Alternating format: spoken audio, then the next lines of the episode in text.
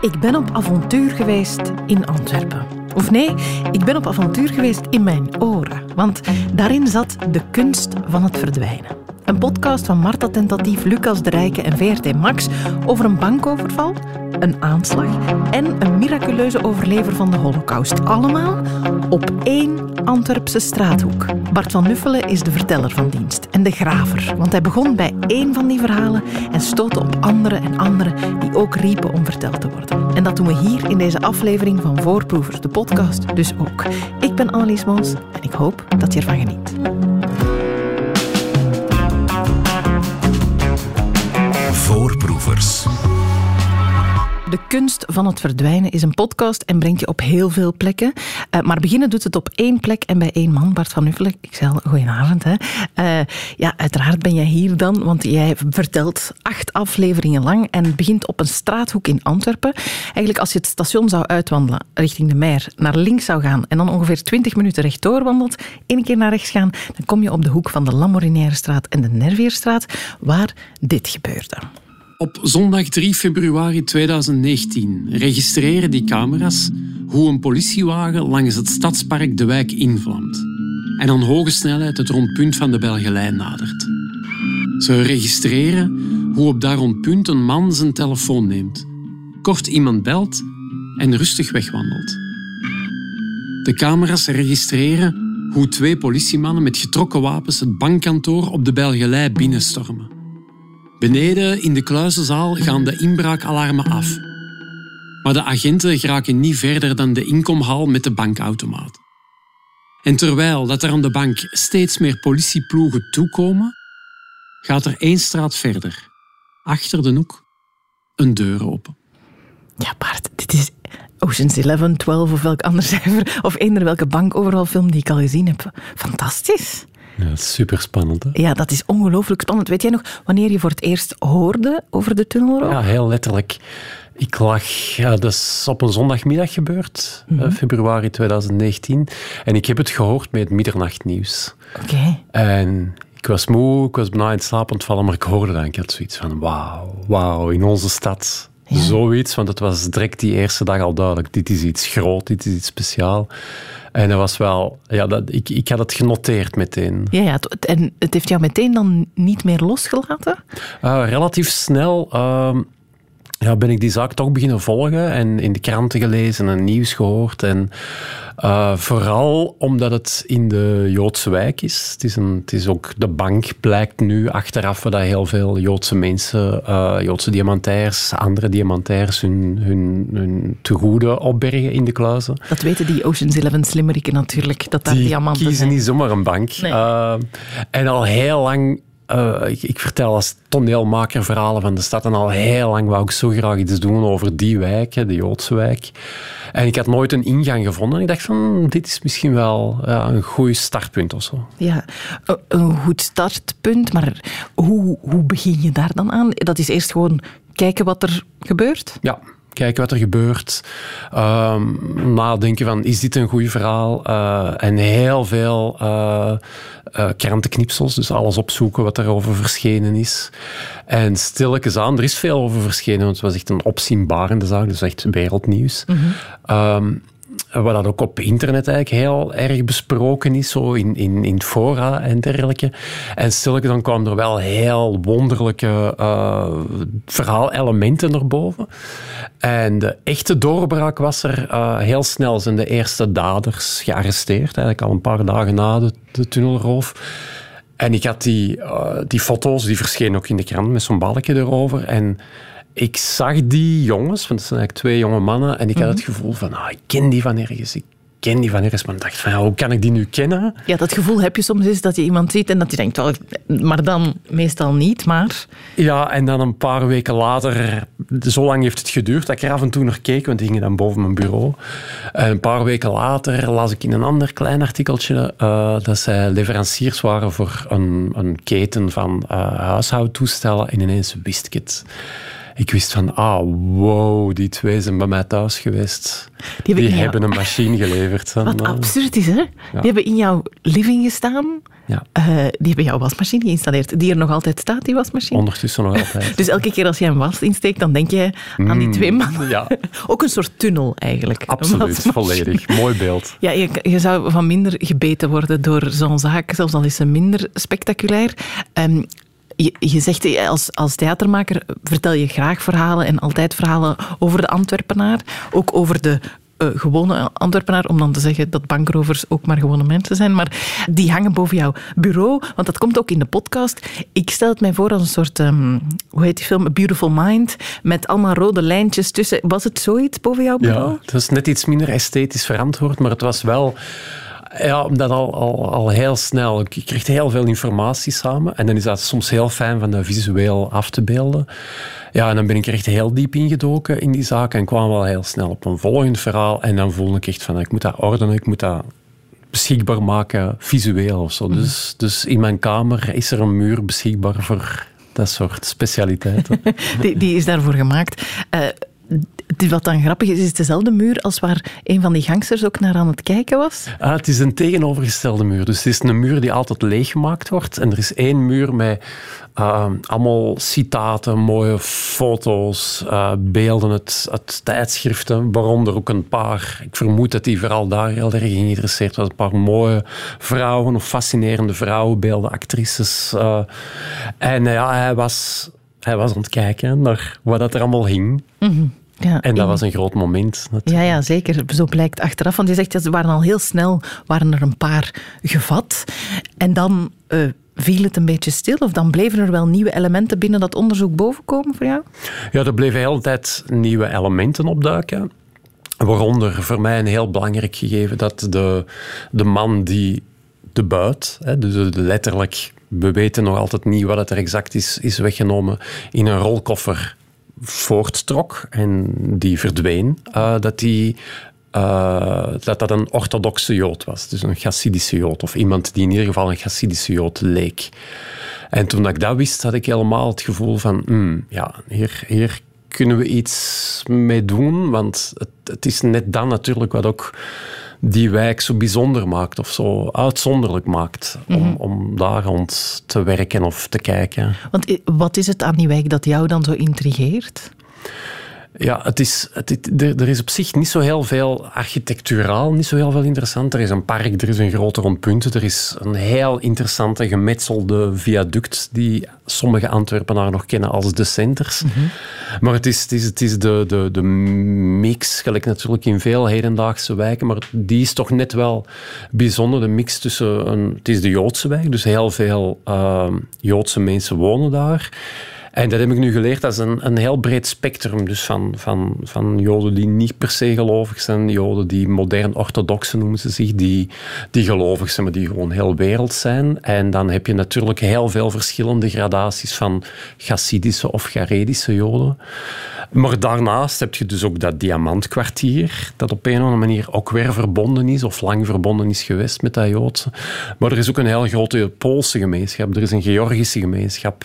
Er is, dat is een, een, heel bijzondere, uh, aparte mix met ook heel veel kleinhandel. Dus heel veel winkeltjes die op veel andere plekken in de stad niet meer bestaan. -hmm. Ik kan me voorstellen dat veel mensen en zelfs veel Antwerpenaren ook nog nooit met iemand gesproken hebben die gekleed is, uh, zoals je zei, zoals die man met de rolkoffer met een zwarte hoed en met dat witte hemd met die, met die uh, frullen aan. Um, was dat ook wat jou dan intrigeerde? Ja, dat had ik natuurlijk al, al veel langer, want ik, ik kom er heel veel in de wijk, ik fiets erdoor. Je kunt er niet omheen dat het iets heel theatraal is. Het, het is, het is bijna in een aantal gevallen 18e eeuwse kledij. Mm -hmm. um, en er hangt een heel groot mysterie rond. Dus, dus, dus zeker dat aspect fascineerde mij wel. En het, het klopt ook dat het een, een beetje in zichzelf gekeerde gemeenschap is waar dan niet heel evident uh, of op de meest makkelijke manier contact mee te maken is. En hoe was het dan voor jou als maker? Want het, het gaat er dan wel over, dan moet je wel een toegang vinden tot die gemeenschap. Ja, uh, het, het, in eerste instantie uh, wist ik van ik heb inside informatie nodig. Dus ik heb echt iemand nodig die, die echt kan vertellen wat is hier, wie, wat, wat gebeurt er, waarom, waarom is het zo gelijk het is. Mm. En dat is dan Dennis Baart. Dus dat is iemand die uh, docent aan het Instituut voor Joodse Studies, zelf een Joodse man. Ja, die, die we uren hebben geïnterviewd om, om te snappen wat, wat is dat? Waarom, waarom is het zoals het is? Uh, hoe, hoe marcheert die gemeenschap? En al heel vlug in de loop van dat onderzoek kwamen we uh, op, het, op, het, op het spoor, moet ik zeggen. Ja. Dus op de hoek waar dat die mannen die die bankroof hadden gepleegd wegstapten, mm -hmm. hangen, gelijk in heel die wijk, hangen heel veel camera's. En op een bepaald moment begonnen we ons af te vragen van hoe komen al, of waarom zijn hier zoveel camera's? En dan bleek de opmaat ervan te liggen in een aanslag die 40 jaar ervoor is gebeurd, in 1980. En dat was een aanslag op uh, een orthodox-Joodse jeugdbeweging. En dat was natuurlijk onze aanleiding om in die gemeenschap zelf te gaan kijken van die kinderen die dat hebben meegemaakt zijn, die, die wonen die hier nog. Kunnen we ja, mij inspreken? Daar gaan we het zo meteen nog zeker verder over hebben. Maar laat me even bij die camera's blijven op zich. Want jou, jouw onderzoek brengt je op een bepaald moment bij de onderzoekers van Team Gaudi. Wat Gaudi is dan wel heel goed ook, want het gaat natuurlijk over in mijn hoofd goudstaven en diamanten die, die meegenomen zijn. Um, uh, Team Gaudi, die werken met camera's, dat is wat zij doen. Ja, dus Team Gaudi is eigenlijk een, een relatief klein politieteam van de Antwerpse politie, gespecialiseerd in eerste instantie in de Joodse wijk. En dan, dat is eigenlijk het rechercheteam van, van die politieafdeling. Dus Joodse wijk enerzijds en Diamant. Ja, dus zij kennen die wijk als hun, hun broekzak. En zij zien die mensen van camera, camerabeeld tot camerabeeld wandelen. Hè? Ja, dat is ongelooflijk fascinerend. Dat is een superstraf in dat cameraonderzoek. Dus die kennen dat op hun duimpje. Dus die kunnen eigenlijk perfect mensen, uh, wij die aankwamen, die kunnen alles perfect volgen. En mm. dat hebben we kunnen meemaken. Ja, dan is dat van camera 7. En dan, ah ja, daar gaan jullie uit beeld, nu komen jullie daar. Uh, en, en zij zien wat er gebeurt met die mensen die, dat, dat hoorden we daarnet uit, daar buiten stappen en die zoals het dan gaat, zich verspreiden.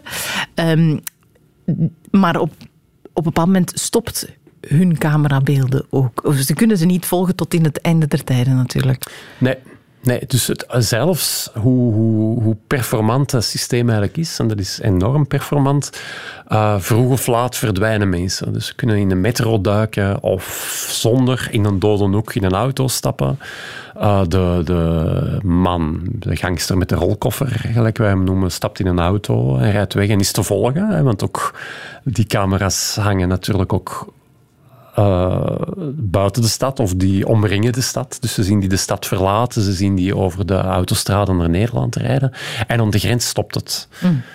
En dan zijn ze ze kwijt. Wat me ongelooflijk frustrerend lijkt. Ik, je verwijst er zelf ook naar. Ik ben ooit met Maarten Ingels, de stadsdichter van Antwerpen, aan toen door Antwerpen gewandeld op The Invisible Route. Dat was toen de laatste manier om Antwerpen binnen te geraken zonder dat je door een camera gezien werd. Ongetwijfeld zou het nu niet meer lukken, denk ik. En het is nog maar vijf jaar geleden. Hè. Dus op, op vijf jaar tijd is dat systeem zo drastisch uitgebreid. Dat is vanaf nu onmogelijk. Je raakt de stad niet meer in, uit of door zonder potentieel gezien te worden. Want het is niet dat ze u permanent zitten te bekijken, maar als er iets is, kunnen ze terugkijken naar die beelden. Heeft jou dat benauwd op een bepaald moment?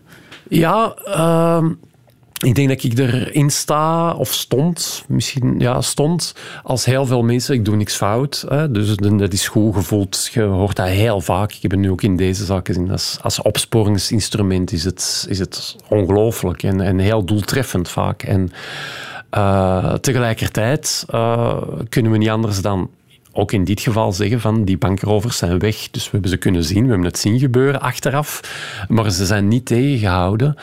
En uh, dat is natuurlijk met heel... Het, het, ik ben er wel ondertussen van overtuigd dat de camera's er niet voor zorgen dat dingen niet gebeuren. Het houdt mensen niet tegen om misdadigers of mensen die iets fout van plan zijn. Dus dat is een inzicht, een nieuw inzicht dat ik had. En ik heb wel geleerd van deze tocht doorheen die wijk, maar ook langs heen verschillende politiediensten en mensen die er heel goed in zijn. Dat systeem wordt elk jaar, maar ook echt letterlijk elk jaar performanter. De IT hmm. erachter, de artificial intelligence erachter wordt altijd maar beter. En ze zijn er en ze gaan niet meer weg. Op een bepaald moment is het uh, een plein en jullie zeggen nu willen we alleen maar de gele auto's. En alle andere auto's verdwijnen gewoon. Het is bij momenten science fiction. Het is, het is prachtig wat dat betreft voor mm theaterfilmmakers. Uh, als dit verfilmd wordt, ik, ik zie de trailer zo voor mij, wat ze allemaal kunnen. Uh, en het enige dat je moet afvragen is... Uh, ja, we zitten ondertussen wel in een stad waarin dat altijd iedereen zichtbaar en leesbaar is. En ik denk dat er op dit moment uh, heb je dan geen letterlijke angst van oké, wat betekent dat dan voor mijn persoonlijke vrijheid? Omdat je wel voelt, er zijn nog x aantal uh, barrières, wettelijke barrières. Maar je moet niet zo heel ver kijken in de wereld. Turkije op dit moment, China, Rusland. Ja, waar dat dit soort systemen echt er letterlijk voor zorgen dat er niks van verzet meer mogelijk is. Mhm. En dan moet je toch wel even... Dat, dat, is iets waar ik op het einde van, die, van, van deze tocht toe kom, moeten we op zijn minst goed over nadenken. Ja, want de systemen die zijn er en... Uh, ons systeem dan moet maar veranderen opdat het wel een probleem wordt dat, uh, dat er zijn. Dat denk ik wel. Uh, Bart van Uffelen, uh, we zijn nog steeds op die hoek van de Lamornièrestraat en de Nerveerstraat in Antwerpen. Um, we zijn al, het is een wijk waar je niet echt als toerist makkelijk uh, zal passeren, maar er is wel veel, heel veel gebeurd. Je zei daarnet, um, er hangen heel veel camera's en dat heeft een reden. Die zijn er gekomen um, na een aanslag. we gaan even luisteren naar hoe die, die aanslag gebeurde. 27 juli 1980 zat er hier een groep Joodse jongens klaar om op kamp te vertrekken. Ze nemen afscheid van hun ouders. Hier op de hoek zat er een grote bus om naar Dardenne te rijden. En op dat moment verschijnt er van achter die elektriciteitskast, dus eigenlijk vlak voor het huis waar de tunnelrovers buiten komen, verschijnt er een man. Die trekt twee granaten los en die smijt die tussen die kinderen. Ontploffing gigantische paniek. Mensen rennen in alle richtingen. En wat erachter blijft is een slagveld. Op straat liggen er zwaar gewonde kinderen en jongeren. Hulpdiensten snellen toe en die jongens worden weggevoerd naar de ziekenhuis in de buurt, soms, soms heel zwaar gewond. En één jongen blijft liggen, sterft ter plaatse. Ja, dat is mega heftig. 1980, eh, dat is nog niet zo heel lang geleden. Ik had hier nog nooit van gehoord. Jij, had jij dat ooit? Nee. Nog nooit? Nee. Heel veel mensen, als ik erover sprak, refereerden automatisch naar een aanslag in 1981, die veel bekender is. Dan is eigenlijk uh, de aanslag van de Hovenierstraat gebeurd. Dat was een hele bomauto die eigenlijk heel de Diamantkwartier heeft vernield. Mm uh, maar deze aanslag is op een of andere manier ja, onzichtbaar gebleven. Misschien omdat hij in tweede veel groter was. Er zijn nog andere redenen waar we aan denken. Mm uh, maar Want je zou denken, dit wordt herdacht met, uh, als het gaat over het vreselijke busongeval in, in Sierre, dan wordt dat jaarlijks groot herdacht, maar dit niet. Nooit. En ook op die straathoek is er ook niks van te zien. Het is, het is, het is een extreem banale straathoek en er is niks dat er naar verwijst. Er zijn heel weinig vertellingen over. Uh, dus dat was echt een, een, voor mij een heel bijzonder en wat vreemd moment dat ik ontdekte de plek waar ik ondertussen al weken en maanden mee bezig was, dat exact daar letterlijk zich dat had afgespeeld. Hm. Het gaat om jongens uh, die van de jeugdbeweging. Ehm, dat komt dan bij jou nog harder binnen, want je hebt ook in je tijden in de jeugdbeweging ook iets meegemaakt. Ja, het was, het was omdat uh, Johan Petit, die mij heeft geholpen met dit verhaal te vertellen, het zoiets van, maar waarom wilt je nu altijd maar over die aanslag vertellen? Ik zeg van, maar dat zijn kinderen die zoiets meemaken, heeft een hele grote impact.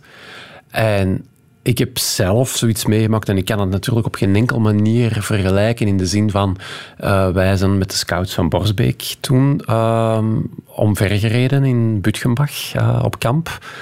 Uh, dus er waren verschillende jongens, waaronder ik zelf, gewond. Sommigen heel zwaar gewond. En tot, tot vandaag, als er een auto heel erg remt, heeft dat heel veel impact op mij. En ik mhm. weet ook op mijn jeugd, dat, sinds, sinds dat moment ben ik nooit gerust geweest. Dus, maar dat was een auto, dat was iemand die te snel reed, die misschien, dat weten we niet helemaal zeker, te veel had gedronken. Terwijl wat zij hebben meegemaakt was een terrorist, iemand die hen wou, die hen viseerde, die hen dood wou. En hen die specifiek. Hen, hen specifiek om wie ze waren. Mhm.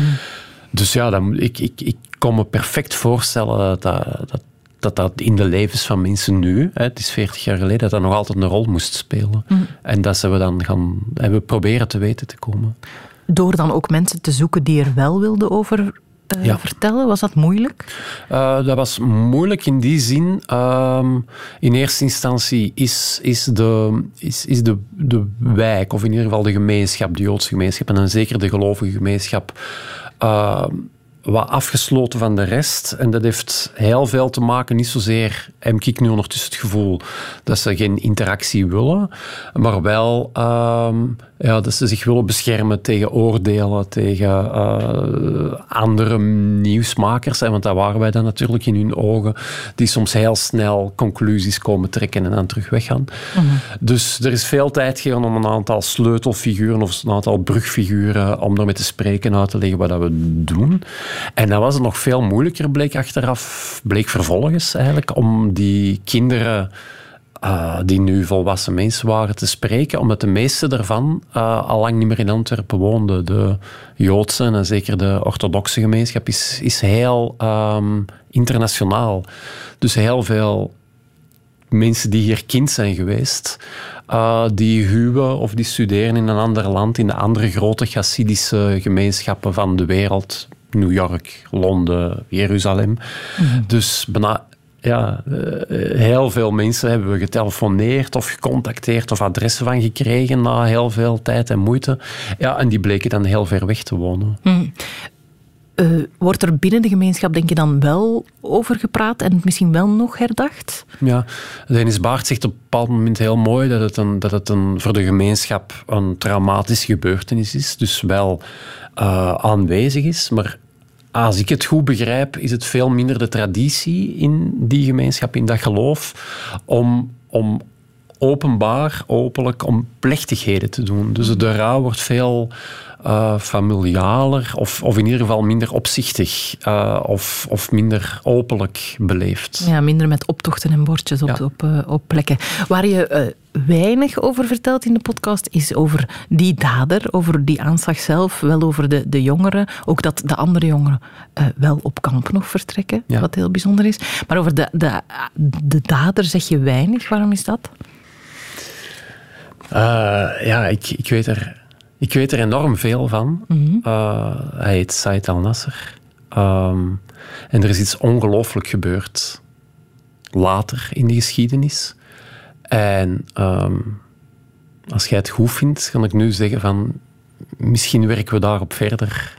En dat moet, nog verteld, dat moet in ieder geval nog verteld worden. Mm -hmm. Er is nog iets ongelooflijk gebeurd dat ook impact heeft gehad op die wijk. Met hem.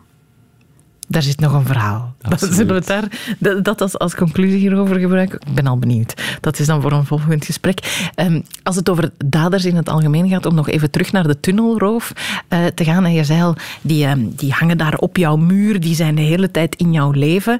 Word je op een bepaald moment ook bang van, er zijn nog daders die niet opgepakt zijn, dat, dat ze dat niet zo leuk zouden vinden, dat jij dat aan het onderzoeken was?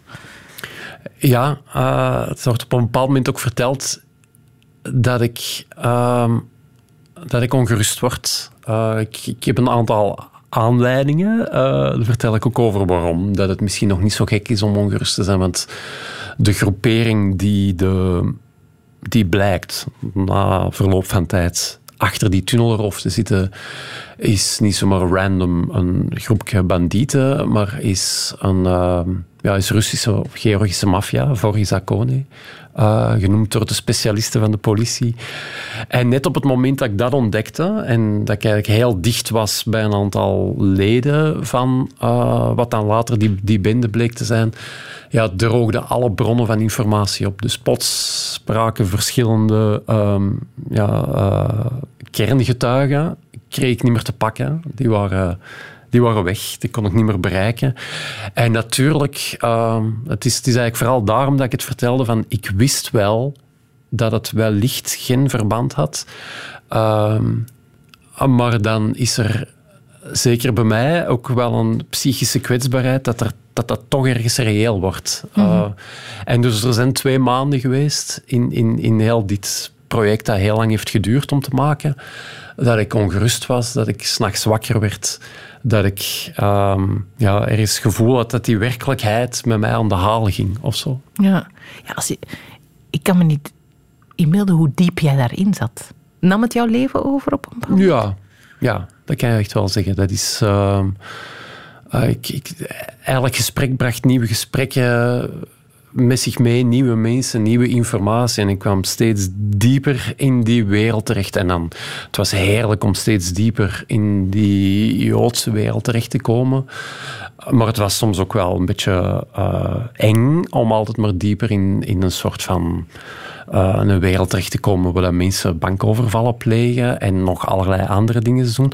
Dus dus het was, het, was, het was heel vervullend, maar op alle mogelijke manieren. Uh, ja, ja ik, het, werd, ik, ik kwam heel veel te weten. En dat was natuurlijk perfect en zalig om deze podcast te maken. Maar dat was bij momenten ook echt, echt best wel indrukwekkend.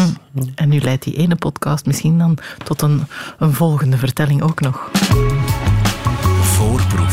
We hebben al twee verhalen verteld over die ene straathoek in Antwerpen, Bart. Um, en nee, het is nog niet gedaan, hè, want er is nog een derde verhaal, nog langer geleden. En dat heeft alles te maken met Fred. We zijn 1942, dat is het midden van de Tweede Wereldoorlog, in diezelfde Joodse wijk in Antwerpen. Uh, dan uh, gaat het over razzia's. Hè. Uh, Herman van Goetem die schreef er een boek over en die vertelt in jouw podcast hoe zo'n razzia moet geklonken hebben. Je hoort het blaffen van honden vrachtwagens met draaiende motors, het roepen van mensen en af en toe schieten. En dus je kunt horen hoe een kilometer verder dingen gebeuren en je weet niet wat het is. De kleine Fred en zijn mama Basha Kristal worden opgepakt tijdens de vijfde razzia van 11 september 1942. Herman van Goetem vertelt het in zijn boek in een paar regels. Basha Kristal staat samen met haar zoontje van vier in een groep gearresteerden bij het Centraal Station. Ze fluistert hem in het oor onopgemerkt de groep te verlaten, rustig door de straten te lopen en altijd maar verder te gaan. Dat doet de kleuter. Nadat hij een heel eind door de stad heeft gelopen, wordt hij door een onbekende opgemerkt en in het kindertehuis Good Engels afgeleverd. Een van deze drie verhalen had al een goede podcast geweest en nu alweer zo'n hallucinant en hartverscheurend verhaal in dit geval. Um, dat, lees jij en dat laat jou weer niet los, denk ik dan? Nee, nee. Het is, ik las dat boek in dezelfde zomer waarin dat, wasmachine werd geleverd en waarom dat die beide boeken dieper dan anders zijn binnengekomen, is dat dat om een privéreden een heel tristige periode was. En dan is uw panzer wat minder, minder dik. En dus ik las dat boek van Herman en dat beschrijft dag na dag wat er gebeurt, hoe die spanning zich opbouwt, hoe, hoe, die dreiging tegenover de Joodse gemeenschap uitmondt dan in die razzia's. Oh, en ik was er misselijk van en niet goed van. En, en vooral met dit verhaal, je hebt het gehoord, vier, vijf regels. Ja, ik kon echt, ja, ik, zwijmelde bij wijze van spreken van als je u indenkt dat een mama dat beseft en dat hij op dat moment beslist de kracht heeft en, en de moed en, en, en, en tegelijkertijd de wanhoop om te zeggen tegen dat kindje van stap nu weg. En vooral dat dat kindje dat doet. Hmm. En vooral dat je nu achteraf weet van dat jongensje heeft als enige van heel zijn gezin, een groot gezin, uh, die holocaust overleeft. En dat je dan beseft, en dat kwam heel laat in, in heel dit proces, van oh, maar die is door die wijk gewandeld. En dan ben ik dat vooral verder gaan onderzoeken, gekeken van waarvan heeft Herman dat en dan via heel oude boeken, dat, ik bedoel, boeken die al, al lang niet meer uh, te verkrijgen zijn, dat verhaal kunnen reconstrueren. Um, en dan bleek dat echt waar te zijn. En, en bleek duidelijk van oké, die wordt in dat weeshuis op het einde van de Joodse wijk afgezet. En dan ben ik naar de kazerne Dossin gegaan om daar te vragen van wat weten we van hem. En voor mij was het heel duidelijk, iemand die de Tweede Wereldoorlog heeft meegemaakt, beleefd, is er niet meer. Dat is voorbij, dat is gedaan. En daar dus helemaal op het einde van dat bezoek, want dat, dat bleek, dat vind ik zelf een van de mooiste stukken van, van deze podcast, van hoe enorm goed dat die deportaties en dus die uitroeiing van, van, van die Joodse mensen is vastgelegd. Dat is echt perfect met papieren en documenten. En dat is echt, echt letterlijk, ik kon het in die papieren zo zien gebeuren. Ja, het leek bijna alsof al op de scène met de camera's, dat je van camera 7 naar camera 9 gaat, dat dat in die papieren ook zo is. Ongelooflijk, bijna nog ja, e- even straf vastgelegd gewoon. En helemaal op het einde van dat bezoek bleek heel toevallig zelfs bijna. Uh, Doreen, de mevrouw van, van Dossin, de archivaris, die was nog wat aan het kijken in bestanden. En die vond een redelijk recent filmpje terug. En die liet dat zien. En, en toen had ik ineens door van... Ah, maar die meneer... Die zegt... Ah, ik ben Fred. Ah, Fred leeft, leeft Fred nog? Mhm. En... Uh, dat heeft een tijd geduurd om daar heel zeker van te zijn. En uiteindelijk heb ik Fred hebben we Fred gevonden. Ja, en ermee gesproken. En ermee gesproken. Wat ook, dat moet een ongelooflijk... Want zoals je zegt, het lijkt zo lang geleden, omdat... Ik heb daar al veel over nagedacht, omdat je denkt, het kan nog niet zo kort geleden zijn dat zo'n dingen zijn gebeurd. Ja. En dus dan denk je, die mensen zijn er allemaal niet meer, maar hij was gewoon nog... Ja, die vertellen dat. Die vertellen dat gewoon aan mij. En die vertellen dat zo... Hij vertelt het gelukkig in de reeks zo ongelooflijk schoon. En ja, dat was die eerste telefoons was echt meer, meer wenen dan wat anders. Van, van de ontroering van ha, iemand die die geschiedenis zo heeft meegemaakt. En dan vooral hoe dat hij zijn leven heeft vormgegeven achteraf. Probeer het u in te beelden. Uh, ja, dat gaat niet om haat, dat gaat niet om wrok, maar dat is, dat is liefde en dat is toewijding. En met diezelfde liefde en toewijding heeft hij ons dat verhaal verteld. En ja, aan dat verhaal zit nog, nog, maar dat is misschien het enige dat we niet mogen prijsgeven, er zit nog zo'n ongelooflijk ding in. We kunnen zeggen, dat kindje ontsnapt dus op wonderbaarlijke wijze uh, aan dat eerste transport, overleeft eigenlijk nog drie keer een zekere dood tijdens die oorlog. En dan weet dat kind, later die man, 50 jaar lang niet wat er gebeurd is. Nee, want dat, is nog zo jong. Ja.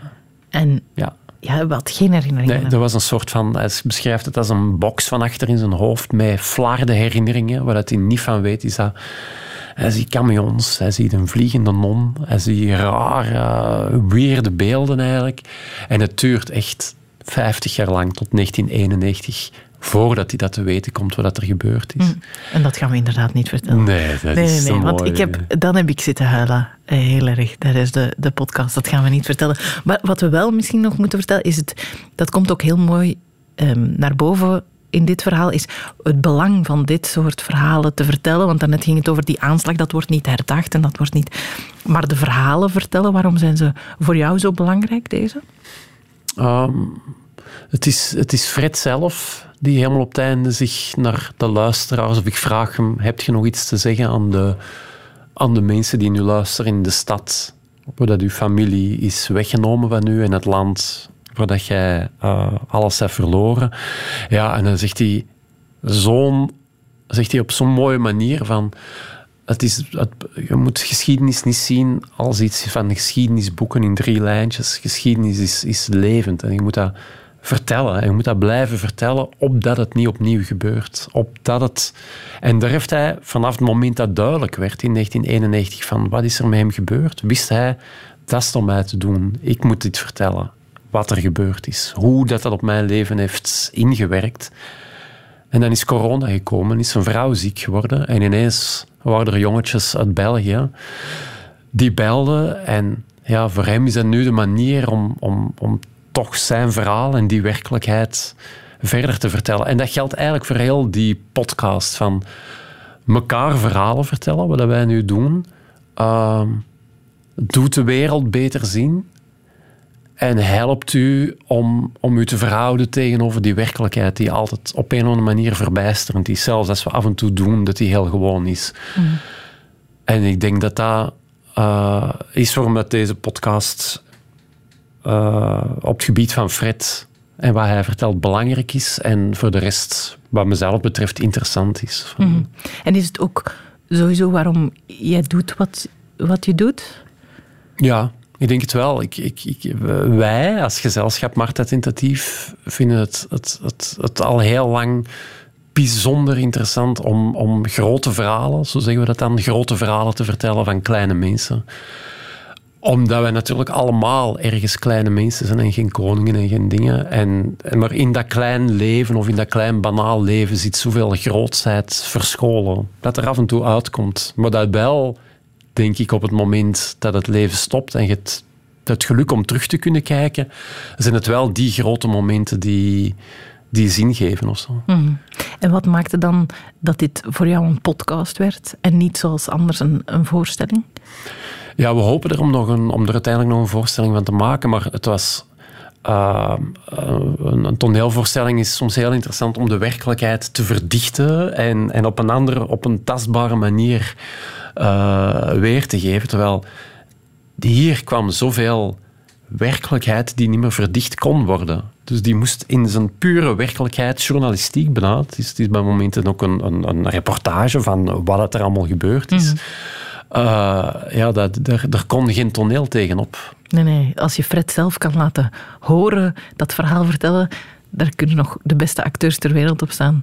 Ja. Beter gaat het uh, niet worden. De kunst van het verdwijnen is het geworden. Fantastische podcast te vinden op VRT Max. Bart van Nuffelen, dan rest mij alleen nog om jou ongelooflijk te bedanken om hier te zijn en voor de podcast. En u bedankt. Voorproevers. Bedankt dat we een stukje van je dag mochten zijn vandaag. Bart van Nuffelen van Marta Tentatief en ik over de kunst van het verdwijnen. Die podcast die vind je op VRT Max, net als alle andere afleveringen van Voorproevers. Voorproevers.